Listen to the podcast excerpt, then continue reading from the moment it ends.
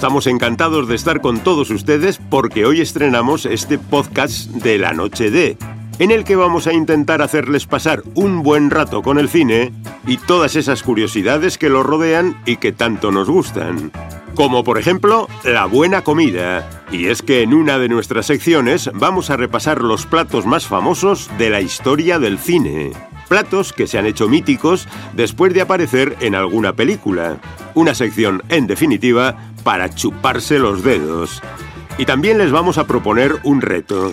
¿Creen que son capaces de descubrir a qué estrellas de Hollywood pertenecen las voces que vamos a escuchar dentro de un rato? Porque claro, estamos acostumbrados a ver las películas dobladas, pero ¿sabemos cómo son las voces reales de las estrellas? Enseguida lo comprobaremos. Y además va a estar con nosotros el mismísimo Brad Pitt, porque este chico no para y le encanta tener nuevas ocupaciones. Su currículum no hace más que aumentar, porque ahora, además de actor y productor, es también viticultor, pintor, escultor, guitarrista, técnico de sonido y hasta especialista de cine para escenas de acción. ¿Cómo es posible que haga tantas cosas? Lo vamos a descubrir ahora mismo repasando el nuevo currículum de Brad Pitt. Comenzamos. Esta información es la leche de buena. El nuevo currículum de Brad Pitt incluye experiencia como escultor, ceramista, ingeniero de sonido, viticultor y fabricante de cosméticos. Porque por lo visto a este famosísimo actor ya no le basta con hacer películas. Lo que yo hago significa algo. El bueno de Brad ha fundado una empresa de cosméticos llamada Le Domaine, con la que dice fabricar productos de belleza de forma sostenible, usando en ellos los beneficios antioxidantes de la uva. Y el actor sabe mucho de uvas desde que se ha volcado, aún con más energía que antes, en elaborar su propio vino. Es el vino Mirabal, y Brad Pitt lanzó esta marca estando todavía casado con Angelina Jolie. Pero Brad lleva un año trabajando con enólogos para mejorar su vino, y el trabajo, por lo visto, se está notando. ¿Cómo ves el futuro? No debemos detener el progreso. Sus viñedos están en la Provenza francesa, junto al castillo en el que Brad vivía con Angelina. Y en esta misma propiedad ha montado un impresionante estudio de sonido con el que quiere atraer a los músicos más importantes del mundo para que graben allí sus canciones.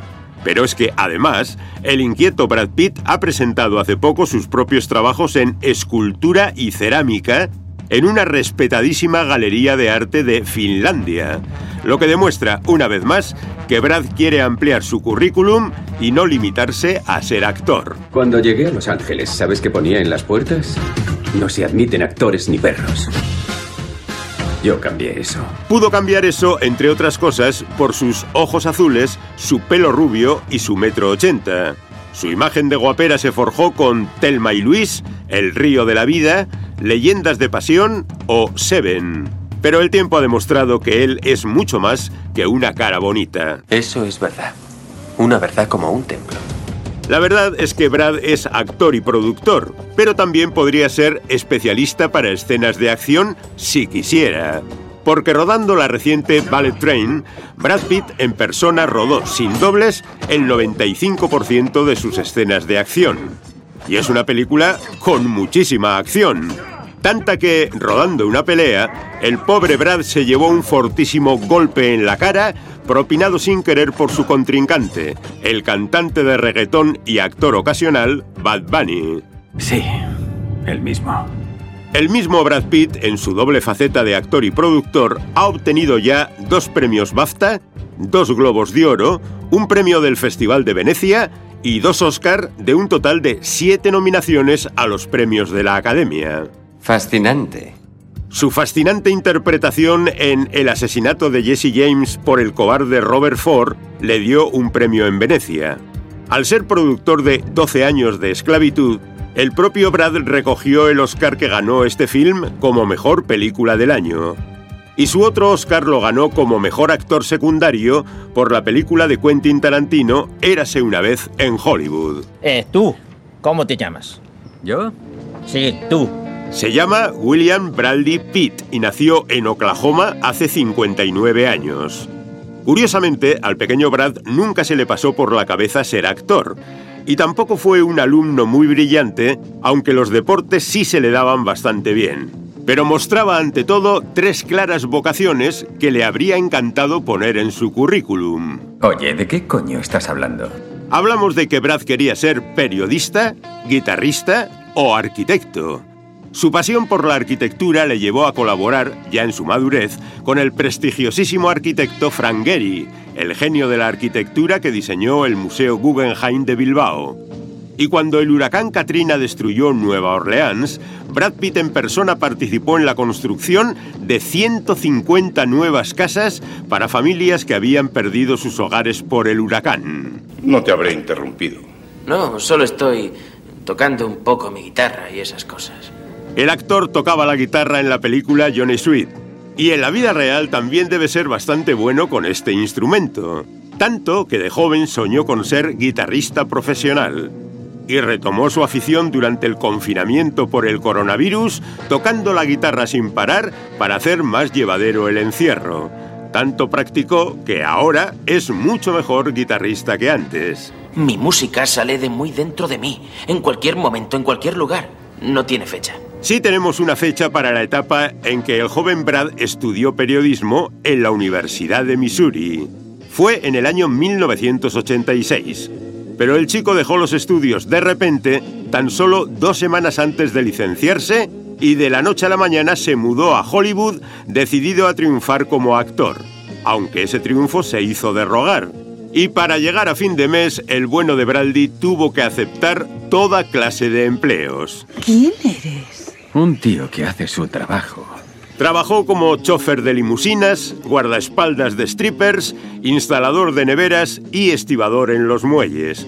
Pero su trabajo más curioso fue en un restaurante de la franquicia El Pollo Loco, en el que Brad debía quedarse junto a la puerta tratando de atraer clientes disfrazado de pollo. hace una polla, señora? No, no, pollo. Hemos dicho pollo. Por suerte, Brad pudo colgar el disfraz de pollo al ir logrando trabajos en cine y televisión como simple figurante. Después hizo anuncios de televisión y luego pasó a ser actor secundario en distintas teleseries hasta alcanzar al fin el rango de actor principal. Y ahora mismo, este actor y productor completa sus ingresos trabajando en campañas promocionales de joyas, cafeteras, ropa, perfumes y relojes suizos. Y está claro que el chico tiene tirón porque los relojes que promociona Brad Pitt han duplicado sus ventas desde que los anuncia él. ¿Cómo sabes siempre lo que hago? Porque te conozco. Desde luego que conocemos a fondo al bueno de Brad y en otra ocasión desvelaremos algunos otros secretos de su vida. Pero conocemos todavía más a fondo el mundo de la cocina y el buen comer. Tanto que ahora mismo vamos a presentar tres platos de película, platos que gracias al cine se han hecho inmortales. ¿Y cuál va a ser nuestro menú de cine de hoy? Lo descubrirán ahora mismo en Tu plato favorito. Disfruten de esta sabrosa sección. Es cierto, sí que es sabrosa. Tu plato favorito en un menú de cine bien podría ser el que desayunan los personajes de Pulp Fiction en esta mítica escena. Aunque no es un plato muy común para el desayuno porque comen hamburguesas. Hamburguesas. La piedra angular de todo nutritivo desayuno. Y además son hamburguesas de una marca ficticia. Al director de Pulp Fiction, Quentin Tarantino, no le gusta la publicidad encubierta en sus películas. Por eso prefiere usar marcas que no existen en la vida real, como los cigarrillos Red Apple, presentes en muchos de sus films, o las ficticias hamburguesas hawaianas, la gran hamburguesa Kahuna. La gran hamburguesa cajuna, esa hamburguesería es hawaiana. He oído que hacen unas hamburguesas muy sabrosas. De esa misma hamburguesería son las bolsas que lleva George Clooney en una escena de Abierto hasta el amanecer. Y en Érase una vez en Hollywood aparece un cartel de la hamburguesa cajuna en un autobús. Pero quizá lo más curioso es que en la noche de Halloween del año 2019, una popular sandwichería de Los Ángeles fue redecorada como supuestamente sería la gran hamburguesa cajuna, lo que da una idea de lo populares que son las hamburguesas ficticias de Pulp Fiction. Continúa. Continuamos con los caracoles que intenta comer Julia Roberts en una célebre escena de Pretty Woman. Seguro que entre ustedes hay quien no quiere ni probarlos, pero los caracoles son ricos en minerales, bajos en grasas y colesterol y tienen además nueve de los 10 aminoácidos esenciales que necesita el ser humano. Así que Julia no debería tirar sus caracoles por ahí. Estos mamones resbalan. Siempre ocurre igual. Lo que pocos saben es que la escena de los caracoles no estaba en el guion de la película.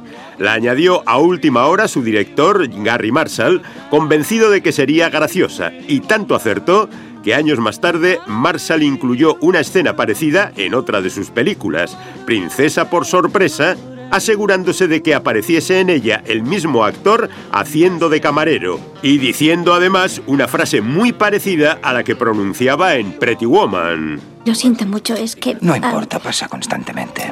Constante sí que era Paul Newman zampándose huevos duros en la leyenda del indomable.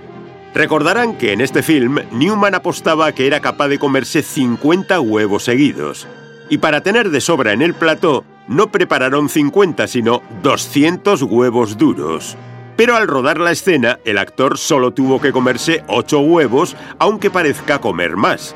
Y los otros 192, por no tirarlos, se los comieron los miembros del equipo, lo que acabó desatando, según testigos presenciales, un estruendoso ataque de flatulencias en aquel plató con todo el mundo sufriendo exceso de gases por comer tantos huevos duros. Puedo comerme 50 huevos.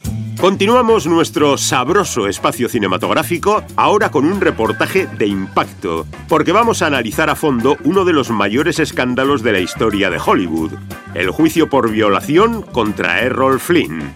El galán de Robin Hood y de Murieron con las botas puestas fue acusado de violar a dos menores de edad, una chica de 16 años y otra de 17. Y durante el juicio pesaron mucho los antecedentes de las víctimas, pero no tanto los del acusado. Y eso que los antecedentes de Flynn eran gravísimos. Se ha hablado muchas veces sobre ese juicio, pero por fin sabrán con todo detalle qué ocurrió realmente. Lo contamos en nuestra sección sobre los mayores escándalos de la historia del cine. ¡Qué escándalo, qué escándalo! El escándalo sacudió a Hollywood cuando Errol Flynn fue juzgado por violación. El juicio comenzó el 1 de febrero de 1943 y ese escandaloso proceso judicial hizo al mundo preguntarse si Flynn era inocente o culpable. Y ojo, porque con un veredicto de culpabilidad podía caerle una condena de 50 años de cárcel. ¿Terminasteis? Estoy solo empezando. Las víctimas eran Peggy Satterley y Betty Hansen. Betty era camarera, Peggy era bailarina y modelo, y soñando con ser actrices habían llegado a Hollywood jovencísimas, tan jóvenes que eran menores de edad cuando se cruzaron con Errol Flynn. Por eso el cargo contra Flynn era el de violación estatutaria, lo que significa que se le juzgaba por acostarse con menores al margen de si las había forzado o no. Bien, entonces venid conmigo. Si no estáis asustados. La asustada Betty Hansen declaró haber conocido a Flynn en una fiesta en casa del actor, donde la emborracharon y el propio Flynn la llevó a una habitación teniendo ella 17 años de edad. Mientras que Peggy Satterley tenía solo 16 años cuando Flynn se la llevó de travesía en su yate. Con ellos fue un fotógrafo de la revista Life que estaba haciendo un reportaje sobre el actor. Así que hay decenas de fotos de la chica en aquel barco. Por eso Errol Flynn nunca negó que conociera a las víctimas, pero lo que sí hizo fue desacreditarlas. Exacto. Contrató como abogado al entonces célebre Jerry Geisler, experto, entre otras cosas, en destruir la reputación de las víctimas escarbando en su pasado. De Betty Hansen descubrió que había convivido con un hombre casado cuando el adulterio era delito en California. Y de Peggy Satterley averiguó que se había sometido a un aborto ilegal un año antes.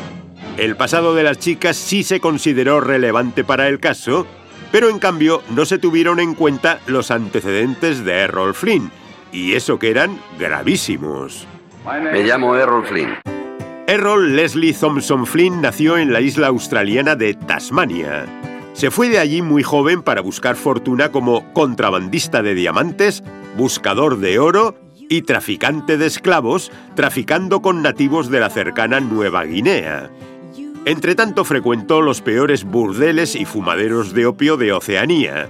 Fue acusado de seducir a mujeres casadas para robarles las joyas y reconoció haber sido en su infancia un salvaje torturador de animales, martirizando sobre todo a perros, loros y patos de las más terribles maneras.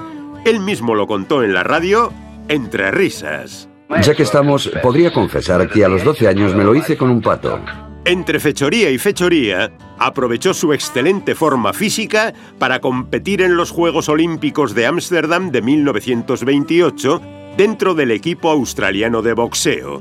Por eso le fue fácil hacer de boxeador años después en Gentleman Gym. Y con su privilegiada anatomía de metro 88, pelo castaño y ojos marrones, llegó a Hollywood en el momento perfecto para convertirse en el gran galán del cine de aventuras. Errol Flynn es Robin Hood. Errol Flynn en su mejor papel. Triunfó con Robin de los Bosques, El Capitán Blood, Murieron con las botas puestas y Objetivo Birmania, entre otros films. Y en sus rodajes estaba prohibido el alcohol, pero él burló la prohibición llevando siempre consigo una bolsa de naranjas a las que previamente les inyectaba vodka con una jeringuilla. En las fiestas de su mansión, después de algunas copas, se bajaba los pantalones y tocaba el piano con el pene. Y él mismo contó en su autobiografía que lo que más le gustaba en la vida eran el whisky añejo y las mujeres jóvenes. Maravilloso. Sus palabras podrían haberse vuelto en su contra cuando le juzgaron por acostarse con dos menores. Pero su abogado, Jerry Geisler, consiguió que entre los 12 miembros del jurado hubiese nueve mujeres, casi todas ellas fans de Errol Flynn. Y el propio juzgado se llenó de fans, con chicas gritando en apoyo a su ídolo, tan entregadas que hubo que poner equipos médicos para atender los desmayos. En cambio, nadie se molestó en atender a las víctimas. ¿Qué quiere decir? Que Betty Hansen y Peggy Satterley eran insultadas y amenazadas por la muchedumbre cada vez que entraban y salían del juzgado. El propio juez dijo al jurado que debían tomar los testimonios de las chicas con cautela, sugiriendo que mentían. Y la joven Satterley aportó un informe médico que hablaba de evidencias de abusos sexuales durante su travesía en yate con Errol Flynn. Pero ese informe no fue admitido como prueba por haber sido redactado por una mujer, una doctora a la que no se consideró fuente fiable por el mero hecho de ser mujer. No me diga. Con el tiempo se ha sabido que las dos víctimas fueron realmente presionadas por la policía para ir a juicio contra Flynn. Las chicas no querían que sus casos salieran a la luz, pero las amenazaron con la cárcel, a una por su aborto clandestino y a la otra por adulterio, si no testificaban contra el actor. Sin embargo, hay que decir que toda esa firmeza de las autoridades contra el famoso Errol Flynn no era por auténtico afán de justicia contra un violador. La causa verdadera estaba en la corrupción policial. Claro. ¿Cómo que claro? Aclaremos que, en aquel entonces, la policía de Los Ángeles recibía dinero de los productores de Hollywood para silenciar los escándalos de las estrellas. Pero los estudios Warner se plantaron y anunciaron que no iban a pagar más. En venganza por esa decisión, la policía investigó a fondo a Errol Flynn buscando delitos porque Flynn tenía contrato con Warner y era el actor que más ingresos proporcionaba a esa productora. En esta guerra entre magnates de Hollywood y policías corruptos, las víctimas Betty Hansen y Peggy Satterley no eran más que simples peones, sin importar los abusos que hubieran sufrido. Así estaban las cosas cuando se dictó la sentencia del juicio. En Hollywood, Errol Flynn ha salido libre. Un jurado compuesto por nueve mujeres y tres hombres le ha absuelto. Errol Flynn fue declarado inocente de todos los cargos y libre como un pájaro mantuvo su desenfrenado estilo de vida hasta su muerte. Con solo 50 años de edad murió de un ataque al corazón, enfermo además de cáncer de garganta y con una gravísima cirrosis. Y se sabe que también había tenido gonorrea, malaria y tuberculosis. En cambio, apenas se sabe nada sobre qué fue de Betty Hansen y Peggy Satterley, hundidas en el olvido tras un juicio por violación que las enfrentó al legendario Errol Flynn. A que fui un personaje despreciable, un tipo horrible. Bueno, hasta otra. Nos despedimos de Errol y su despreciable conducta para proponerles a todos ustedes un reto. Ahora vamos a escuchar la voz de algunas estrellas de Hollywood, sus voces auténticas, y les retamos a que adivinen de quiénes son esas voces. Enseguida revelaremos la respuesta, pero les daremos a ustedes unos segundos para que traten de adivinarlo. Por eso la sección se titula Adivina de quién es la voz.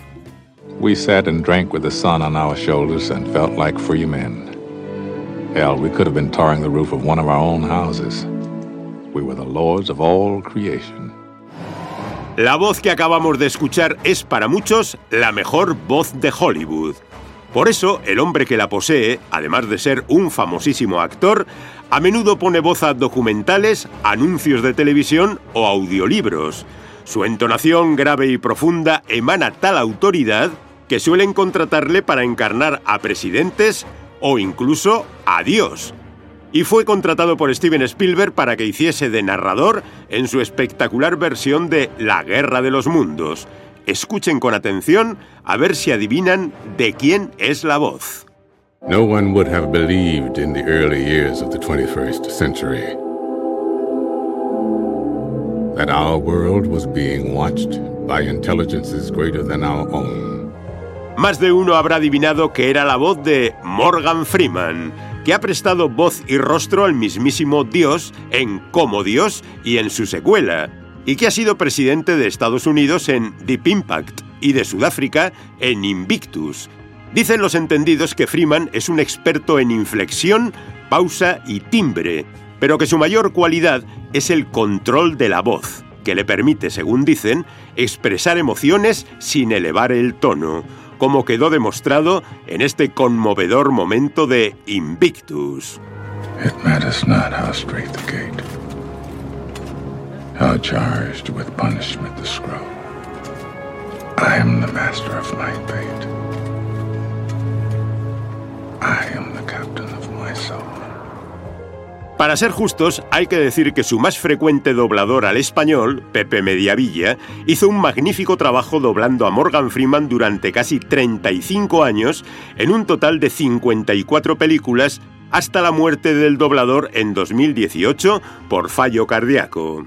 Sí, y aún puedo acertar en el ojo a un pájaro en pleno vuelo.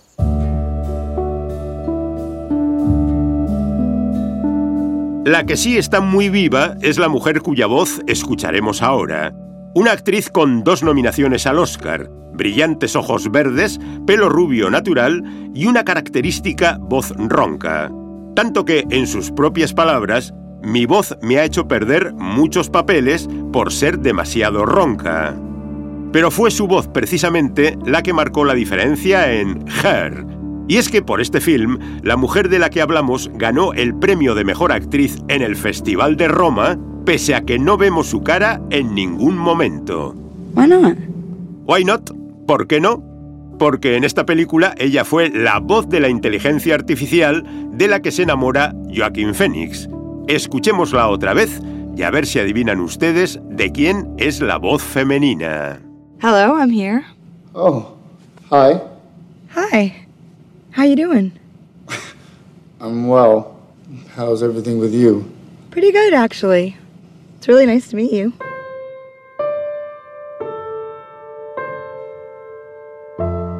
Esa es la voz de Scarlett Johansson, nominada al Oscar por Historia de un matrimonio y por Jojo Rabbit, y que debutó en el cine cuando era una niña en Un muchacho llamado Norte. Tenía entonces 8 años de edad, y la propia Scarlett ha contado que su carrera casi se estanca allí mismo porque con 9 años mi voz ya parecía la de una fumadora empedernida adicta al whisky. Por eso fracasaba en los castings infantiles. Sin embargo, ella no se desanimó y con el tiempo dijo adiós a sus fracasos de infancia. See you later. Bye bye. Bye. Bye bye, Scarlett. Nos despedimos de Scarlett Johansson y nos despedimos también de ustedes, esperando que hayan pasado un rato agradable con nosotros y con las curiosas historias del mundo del cine.